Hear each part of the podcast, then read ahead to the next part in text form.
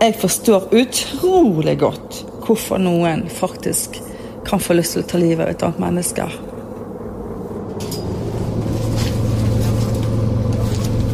Vi hopper av en buss utafor Hokksund utafor Drammen. Terje har invitert meg med på vandretur. Akkurat som han gjorde med Reidar, som havna i fengsel. Ekskona, som rømte. Og fetteren Ronny, som er død. Nei, men altså, nå må du huske på Det er formiddag. Bussen kjører av gårde. Jeg er alene i ødemarka med vandreren. Jeg har bearbeidet de tingene der. Tenkt de ferdig. Tror ikke du jeg har grått mye og sparket i trær og hoppet nesten rundt og Hvorfor? Sant? Det har gått fire år siden sist han ble dømt for noe. Terje er nykter og ferdig med alt det der. Han er en ny mann med et nytt liv.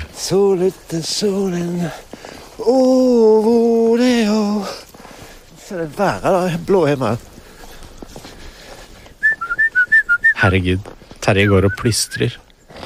Har du sett skrekkfilmen Fritt vilt? Da vet du at det overdrevent gode humøret i det gjengen legger ut på tur, tyder på at noe veldig galt kommer til å skje.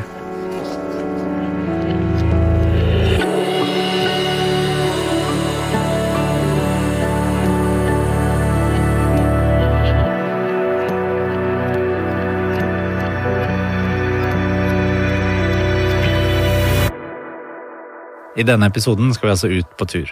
Vandreren og jeg. Jeg er spent, men glad for at Terje har sagt at det bare skal ta noen få timer. Jeg vil tilbake før solnedgang, for jeg kjenner jeg er litt usikker på hvem han egentlig er. Vandreren har et halvt år igjen å leve, men egentlig lever han på overtid, for ei har tenkt tanken på å drepe ham, og en annen har prøvd.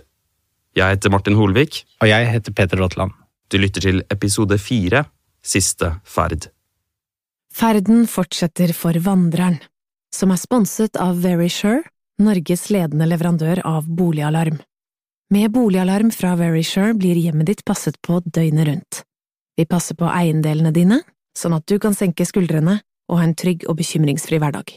Ønsker du pris på alarm skreddersydd for ditt behov, besøk verisure.no. Det er årets første snøfall. Det går bratt oppover i skogen, men snøen glitrer og sola varmer i ansiktet. Terje er i godt humør og skravler i vei.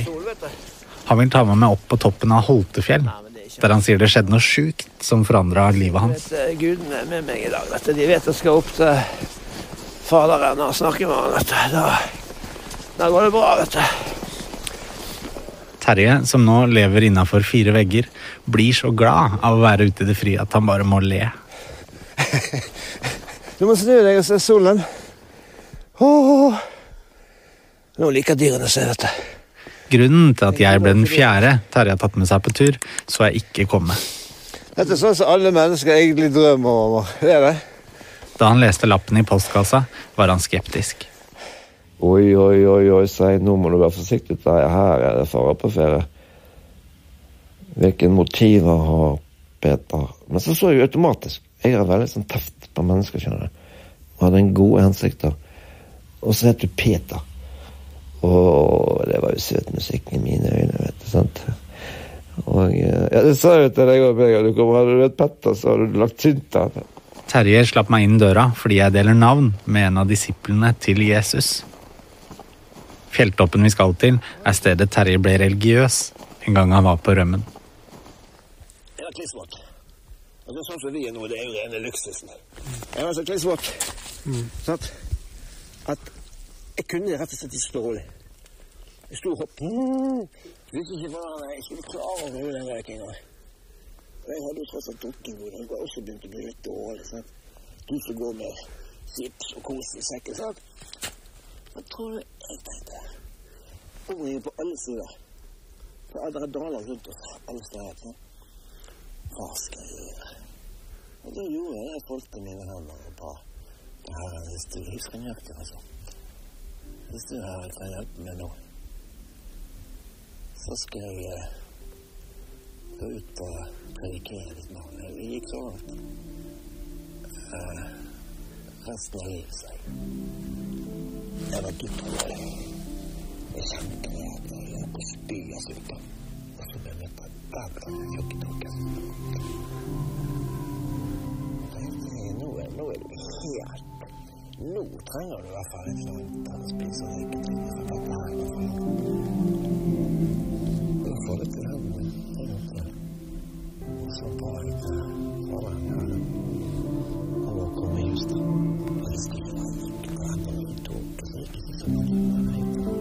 Så ser han den. Ei hytte. Han har blitt bønnhørt.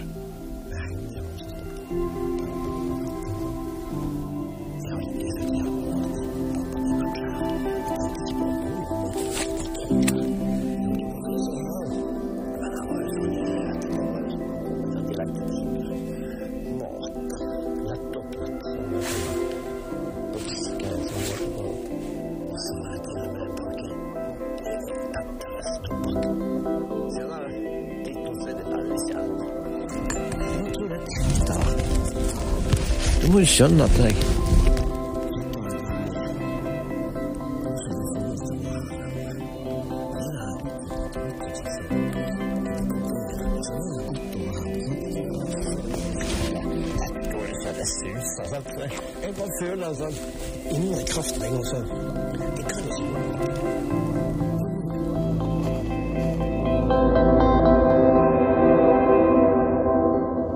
Terje sier at han trives i eget selskap.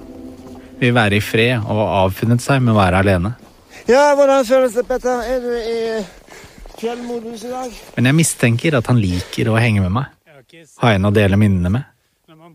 Og jeg har hørt at han søker kontakt iblant.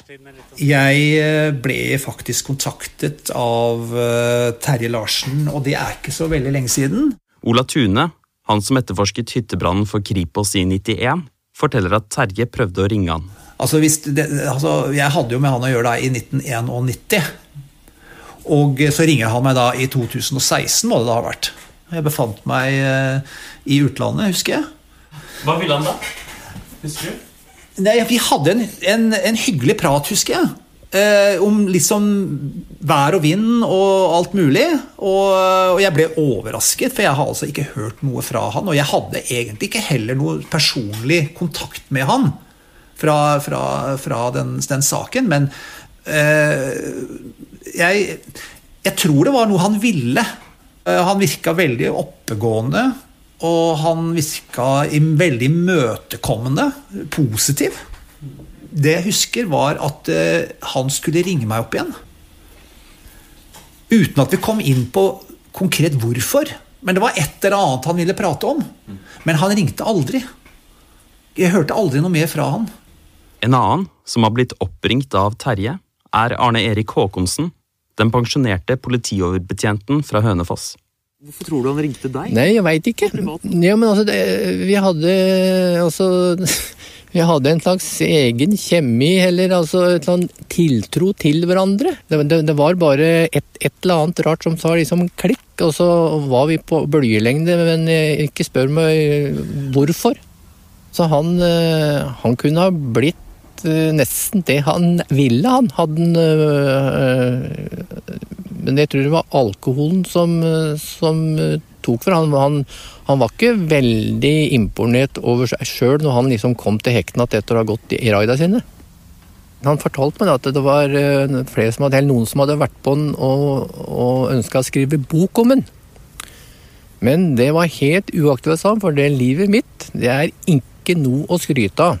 Det, altså, det, det var eh, Han ville ikke liksom eh, synes det livet som han hadde levd, det, det var eh, medaljens bakside så å si hele veien. Det var ikke noe, ikke noe å se opp til han. Serieforbryteren fikk en uvanlig kontakt med flere politifolk. Og om han hadde skrevet den boka, er vandreren sikker på at i hvert fall noen tjenestemenn ville lest den. Politiet stoppet meg alltid. For jeg går opp til tur om nettene, da.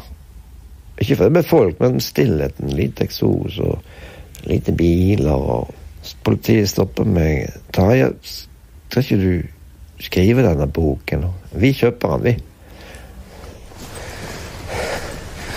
Denne melodien her er fin.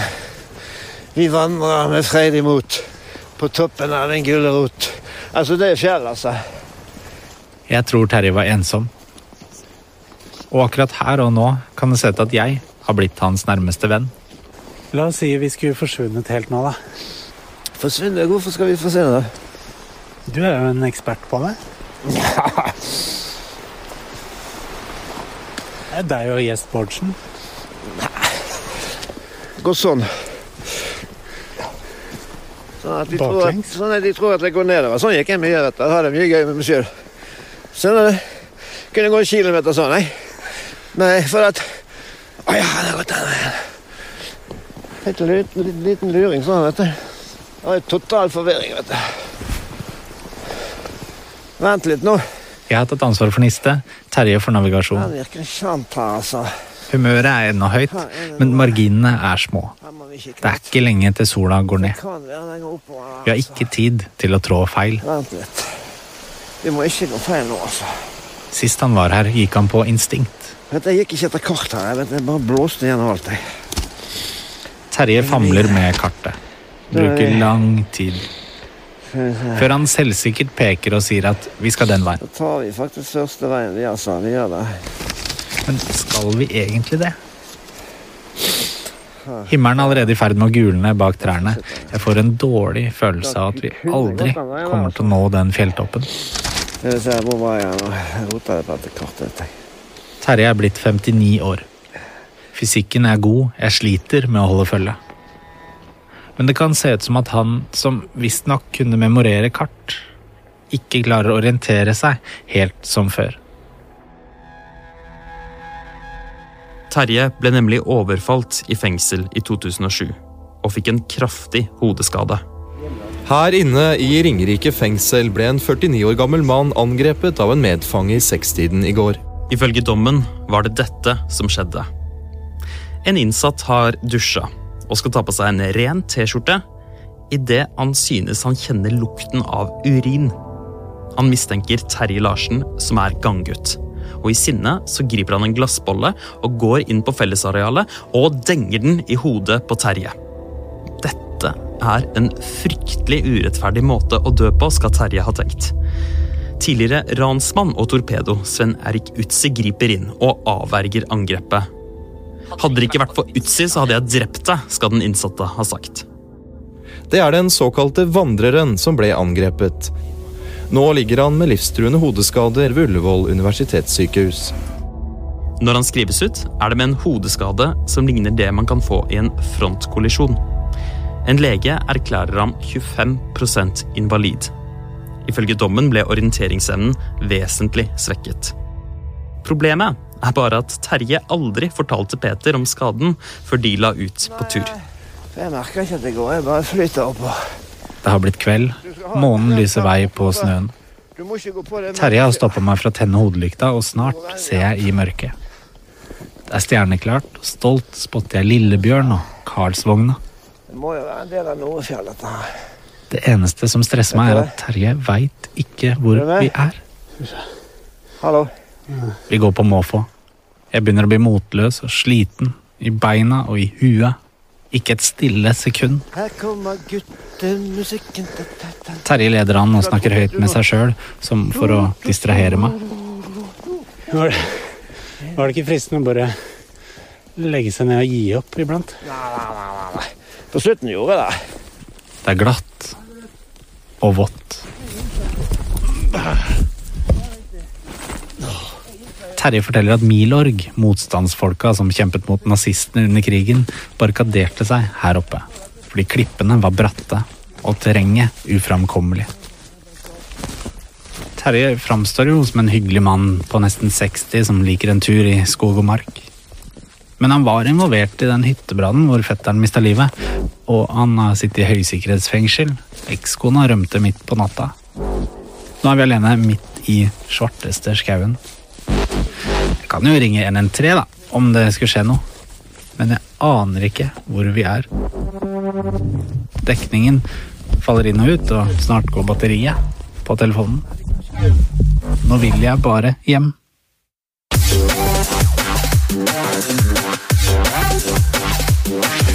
Så Som i Soria Moria-eventyret til Asbjørnsen og Moe klatrer vi opp på en tue. Og i horisonten ser vi en glorie av lys over skogen. Vet.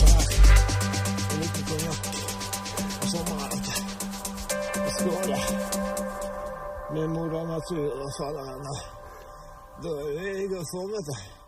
Så du, Jeg har sett deg mye. Se naturen og alt lyset, vet. Det ser ut som sånn bomull vet du, som bare ligger Ja, mykt over dalen. Fint.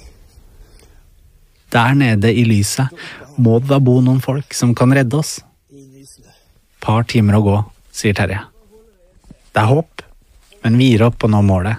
Toppen der Terje ble frelst. Vi sklir og går på trynet nedover den islagte skråningen. Så, på vei over ei myr, går det gærent igjen.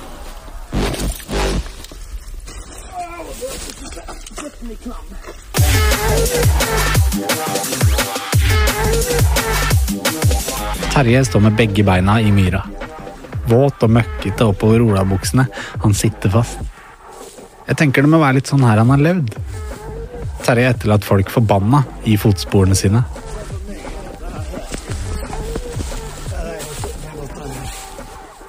Ekskona sier hun har forsøkt å glemme og aldri sett seg tilbake.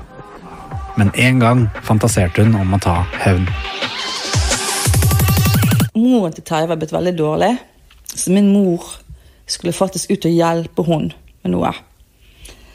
Og fikk, Da fikk jeg vite og fortalte min mor til meg at Terje bodde da i kjellerboden til, eh, eller uteboden til moren.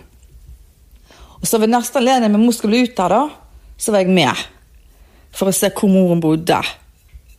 Sånn at jeg fikk vite hvor Terje var henne. For da hadde mine tanker begynt å murre om at eh, nå, nå vet jeg hvor du er, Terje, nå skal jeg til deg. Det fablet jeg veldig om, og så rett og slett overraskende en natt når jeg ligger der enten full eller sover, og så bare stikker en svær dolk i han. Og tar han av dage. Det var ikke bare for at han gjorde med meg de seks årene der. Det var for alt andre han gjorde med meg, som kom etterpå. Alle disse årene med angst og tvangstanker og frykt og redsel for han. Jeg levde på hemmelige adresser. Jeg hadde hemmelig telefonnummer i alle år. Og så bor han rett der ute, plutselig.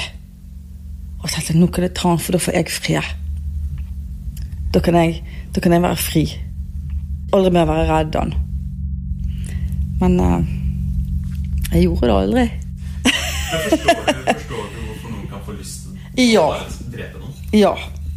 Jeg forstår utrolig godt hvorfor noen faktisk kan få lyst til å ta livet av et annet menneske. Du kan jo tenke deg hvis du går sånn som dette her i fire måneder for deg sjøl nå.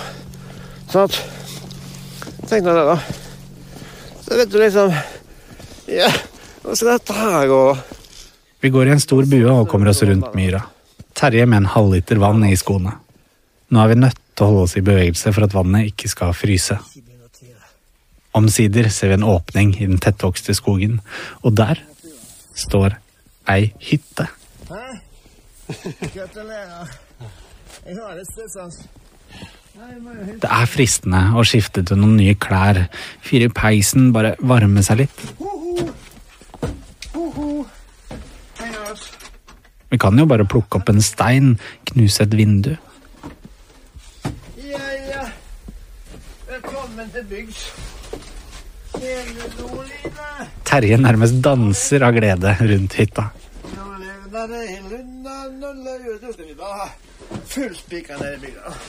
Terje lar hytta ligge i fred, og vi humper videre nedover en kjerrevei. Jeg ser ikke lenger lyset i horisonten. Det må da ha gått to timer nå, som Terje lovte. Vi kommer til en bilvei, et tegn på sivilisasjon. Så begynner det å skje merkelige ting. Ser du hva jeg mener med mitt forhold til religion? Det kommer etter intet. Vi stopper i et veikryss for å kikke på et kart idet vi får øye på et bål.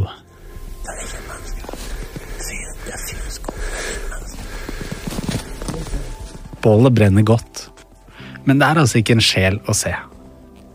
Ingen pølsepinner, ingen sittemerker på benken, ingen spor av folk. Hæ? Men det kan jo være at de akkurat har gått. Snøen ligger, så kanskje har de ikke brydd seg om å slokke det. Lynet kan ha slått ned. Altså, det finnes noen måter å forklare det her på. Men Terje er ikke i tvil om hva dette er.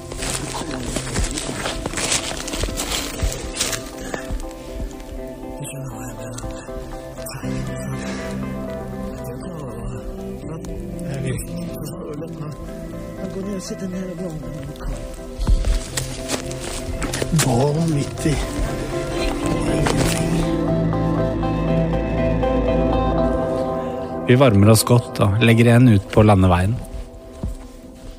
Det verker i hoftene. Jeg kjenner en antydning til krampe i låra.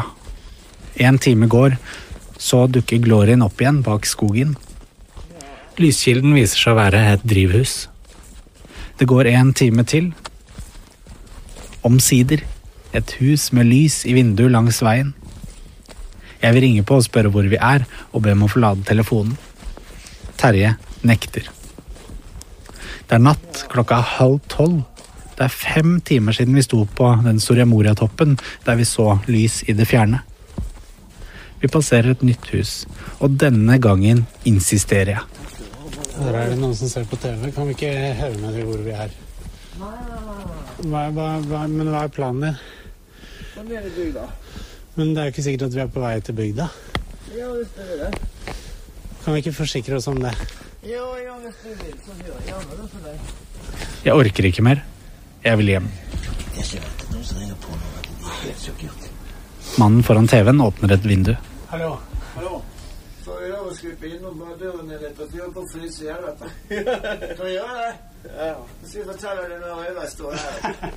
Den vennlige mannen har ingen idé om hvem han har fått på besøk. Å, jeg er så fort at jeg holder på. Jeg tar den, jeg tar den. Jeg veit at ekte vandrere ikke tar taxi. Men nå ringer jeg etter en, og snart er vi på vei hjem i trygghet. Skrittelleren på telefonen viser at vi har gått 28,3 km i dag. I et så ulendt terreng er selv 10 km mye. 28 km er nesten tre mil. Mer enn en halvmaraton. Framme i Oslo tar vi et raskt farvel.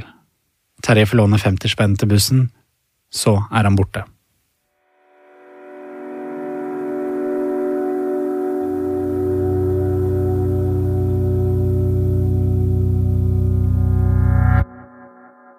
Tre måneder senere ringer Terje meg en sen kveld. Skøyteløperen Hove Lorentzen har tatt OL-gull.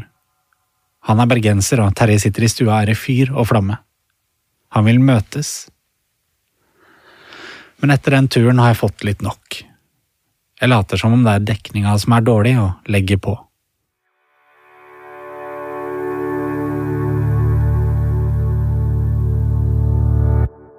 «10. mai 2018. Et ektepar går tur vest for Gjøvik. Idet de passerer ei hytte, får de øye på en mann. Han sitter på bakken utafor hytta, er svimmel og ikke helt til stede. Han klarer bare så vidt å få fram navnet sitt. Terje Larsen. Ekteparet ringer etter en ambulanse, men det er lite nødmannskapene får gjort. Utafor den røde hytta med knust rute dør Terje.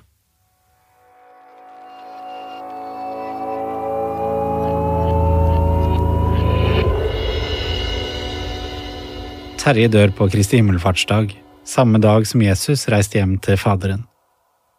I Bibelen er Peter en av disiplene som er vitne til at Gud åpenbarer seg på toppen av et høyt fjell. Terje tok også meg med opp på et fjell for å vise hvor han møtte Gud.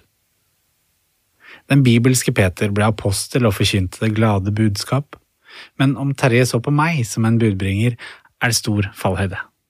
For jeg forstår ikke helt hva budskapet til vandreren er. Åh, nå raser det så mange tanker på meg. Det er det jeg prøver med alt. Med mennesker, med dyr, med hunder, alt. Med katter. Og, og ha respekt. Men du spurte om et, hva jeg ville bli husket for. Et hovedbudskap. Det er bare ett ord som nytter. Det er kjærlighet. Til alt og alle. Selv døde ting. Jeg ser døde ting som levende, jeg. Obduksjonsrapporten tyder på hjertesvikt. Han ligger nesten to måneder på kjøla før han får en kommunal begravelse. Det strålende sommerværet kjennes upassende for en begravelse. Det er ganske folketomt i Lørenskog kirke. Elleve personer har møtt opp. Organisten på galleriet. To begravelsesagenter i dress. To fra rusomsorgen i Lørenskog kommune. Og presten. Resten er journalister, og en fellesnevner er at vi alle er på jobb. Rett før seremonien tar prest Tor Martin Synnes meg til side og stiller et spørsmål som setter meg helt ut. Det er litt rart at det ikke er noe familie eller venner her. Ekskona får beskjed først dagen etter begravelsen. Når? Hva skjedde? Jeg skulle jo ha beskjed. Så det er akkurat det syns jeg var grådig og det bittert. Det syns jeg. For da hadde vi sendt en bukett, og vi hadde gjerne sendt en siste hilsen. Men hvorfor, etter alt det han har gjort mot deg, da, som du forteller, hvorfor vil du sende en bukett til begravelsen? Fordi at jeg på en måte syns synd i Terje. Han var tross alt et menneske. Og jeg, jeg tenker på en måte at, eh, at den han var den gangen der, behøver ikke han nødvendigvis å være i dag. Han var ung, han var par og 20 år. Han kan ha forandret seg. Han var jo sikkert nærmere 60 år nå. Så det er på en måte denne evnen til å tilgi. Og tenker at uh, Terje har hatt et tøft liv. Han har, han har ikke hatt det godt. Tenker jeg. Så når han døde, så gråt jeg. Jeg syns faktisk veldig veldig synd i han. Storebror Torbjørn. Hva tenkte du da du fikk den beskjeden, da? Nei, hva skal jeg si? For det at du vet jeg, jeg trodde jo han hadde Han var, hadde ikke hørt noe om han i det hele tatt. sant? Men Så du trodde at han var ja, død? Ja, det sa jeg det, det, når de tjommiene spurte. Sant? Og så sa han nei, han ligger sikkert død oppe i fjellet en plass. Så er det litt sånn Det må da kan du si. sant? Du kan si det sånn, Hvis det var Livian, så pleide vi å se i avisen. Da han har vært på en raid. vet du, sant? Tenkte du å dra i den? Ja, ja, jeg var det. Men det kom så mye opp i noen at jeg, jeg angret faktisk eh, at jeg ikke reiste. Du angrer på at du ikke dro i begravelsen? Ja, faktisk dagen etterpå så, så angret jeg. eh, Det gjorde jeg. Jeg har på det mange ganger jeg skulle vært der, men det er gjort er gjort. Hva ville du ha skrevet hvis du la ved en beskjed på den buketten? Jeg kan ikke si takk for alt. Jeg kan bare ønske at han får det bedre. Så der han er nå, vil jeg jo tro han har det mye bedre. Og alle blir jo tilgitt sine synder. Mm. Du har kors på halsen. Ja. Er det ganske Tror på Gud? Mm. Ja. klart det. Ja. Mm. Det gjør jeg absolutt. Jeg ber bønn hver kveld. Og Terje har vært i bønnene mine mange ganger.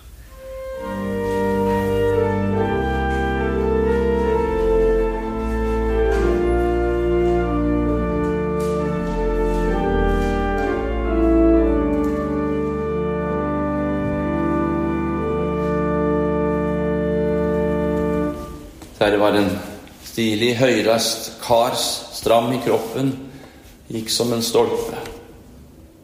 Han var kunnskapshungrig og kunnskapsrik innen bl.a. historie, religion, språk og kanskje ikke minst geografi. Han var jovial og sosial. Så når Terje mang en gang har vandret mye rundt i fjellet og naturen, så har det vært i et element han har vært glad i og hatt gode forutsetninger for å mestre. Men oftest har han vært på vandring uten bagasje, eller på rømmen fra soning. Og da har livet som vandrer mer vært et kaos for Terje. Ingen romantikk i fjellvandrerlivet borte og i fred fra det larmende storsamfunnet. På denne vandringen flukten. Etter å ha krysset elver og forsert fjell og dal sank han fullstendig utslitt sammen på en fjelltapp og ba for første gang til Gud om hjelp, om hvile, mat og drikke. Han forteller at han opplevde å bli bønnhørt med en, en innskrift eller noe på noen steiner. og ironisk nok en jakthytte med alt han trengte av mat og drikke. Hvordan alt dette nå enn var, så levde Terje resten av sitt liv med en tro på en gud, en høyere makt. Vi lyser fred over Terje sitt minne. Da skal vi gjøre oss klare til å følge kisten til Terje ut i bilen. Da kan dere som skal bære, komme fram, og vi reiser oss alle sammen. Det var det presten spurte meg om. Å bærer kista. Jeg reiser meg og går opp. Av jord er du kommet.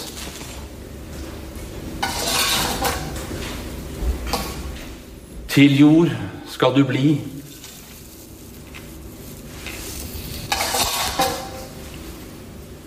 Av jorden skal du igjen oppstå. Så løfter vi. Kroppen hans er tom.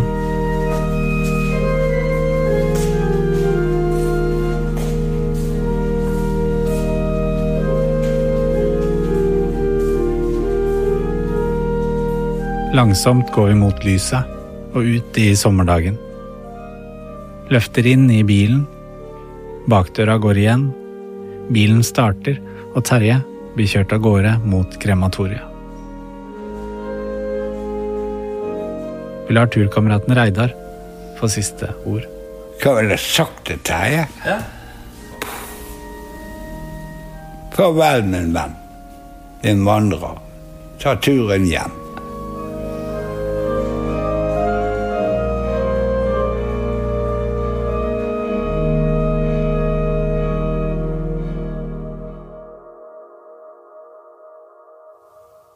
Du har hørt Vandreren, en podkast fra VG i samarbeid med Filt Oslo. Lyddesigner er Hans Kristen Hyrve, og vi har fått god hjelp fra Svein Kjølberg og Beate Koren. Takk også til Anders Elfstrøm, Sigurd Øygarden Flaten, Tage Rivas Tollefsen, Ingrid Inndal, Lars Christian Øverland. Markus Langen og Jasmin Sfinsteris. Jeg heter Peter Daatland. Og jeg heter Martin Holvik.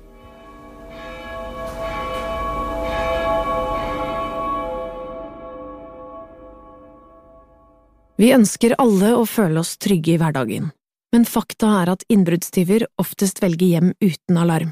Verisure er Norges ledende leverandør av boligalarm og kan tilby deg en trygg og bekymringsfri hverdag, uansett hva du har behov for. Vi sørger for at både hytte og bolig blir passet på døgnet rundt. Da kan du senke skuldrene, uansett hvor du måtte befinne deg. Hvis du ønsker å vite mer om våre alarmsystemer, besøk verisure.no.